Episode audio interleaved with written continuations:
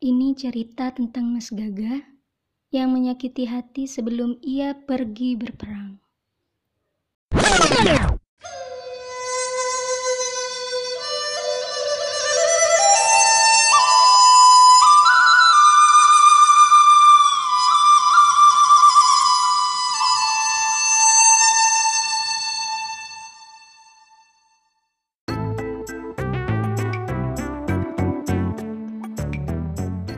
Mas Gagah, kamu tuh kok bisa-bisanya gitu sih? Kamu tuh kan tahu, aku yang nungguin kamu dari kamu masih pegang buku sampai kamu megang senjata. Kamu kan yang bilang sendiri, aku yang bakal jadi rumah nantinya buat kamu. Kamu tuh apa ya? Aku udah gak ngerti lagi sama kamu. Buat kamu, mbak-mbak yang sekarang gantiin posisi aku di samping Mas Gagah, hati-hati.